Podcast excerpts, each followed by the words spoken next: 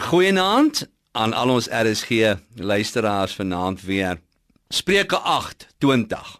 Wandel in die middel van die pad. Ek hou nie daarvan om oor die duiwel te praat nie, maar so nou en dan moet 'n ou daarom sy naam noem. Die duiwel het die fantastiese vermoë om die skynbare skadelose begin van sonde vir jou te wys. Maar hy wys nooit vir jou die gruisame einde van sonde nie. Hoekom nie? Want die duiwel is nie dom nie. As hy vir jou die einde van sonde wys, sal jy nie begin om met sonde te speel in jou lewe nie. Hoeveel keer gebeur dit nie dat 'n ou wat die Here dien, na 'n klompie jare dan begin hy so bietjie afvallig word. Hy begin so bietjie nie meer in die middel van die pad loop nie. Hy begin so bietjie kanse waag. Hy begin so bietjie nader en nader aan die sonde lewe.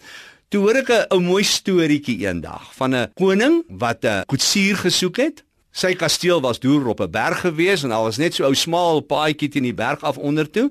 Hy het op die ou en toe twee aansoeke wat nou baie goed is. Die eerste ou sê: "Wys vir my hoe ry jy 'n koets?" En die ou is daar met daai bergpas af. Nou sê die koning vir hom en kyk, daai koets is letterlik in die ou dae so 6 duim van die afgrond af. So wat 15 cm deesdae, né? Maar daai ou kan ry hoor. Hy's hier op die afgrond. Hy bly 6 duim van daai afgrond af. Dwars deur al daai draaie tot onder uit hoë spoed. Hy sê vir die ou nee, goed, mooi. Kom ons kyk na die volgende ou wat aansoek gedoen het.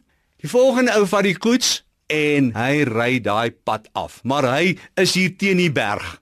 Hy bly so ver van daai kant af as wat hy kan. Hy wag dit nie naby daai afgrond nie. Hy's hier teen die rotse. Hoe naby aan die rotse kan kom, hoe beter. Ry hy af tot onder.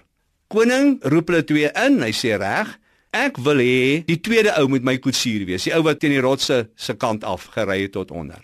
Die ander sê vir hom: "Maar koning, ek is die beter koetsier. Kyk hoe ek sê stem van daai kant af gebly." Hy sê presies ek sal nooit in my lewe waag om saam met jou te ry nie want jy kyk hoe naby jy aan die afgrond kan kom. Hierdie ander ou kyk hoe veilig hy kan bly. So my dierbare luisteraar moenie kyk hoe naby jy aan sonde kan kom nie bly weg van dit af Josef was 'n goeie voorbeeld daarvan hy het weggevlug van die sonde af ek wil vanaand vir u sê speel klaar met sonde in jou lewe Anderste gaan sonde met jou klaar speel. Liewe Here, help ons om in die middel van die pad te bly. Met u krag, my God, is dit moontlik. Ons vra dit in Jesus naam. Amen.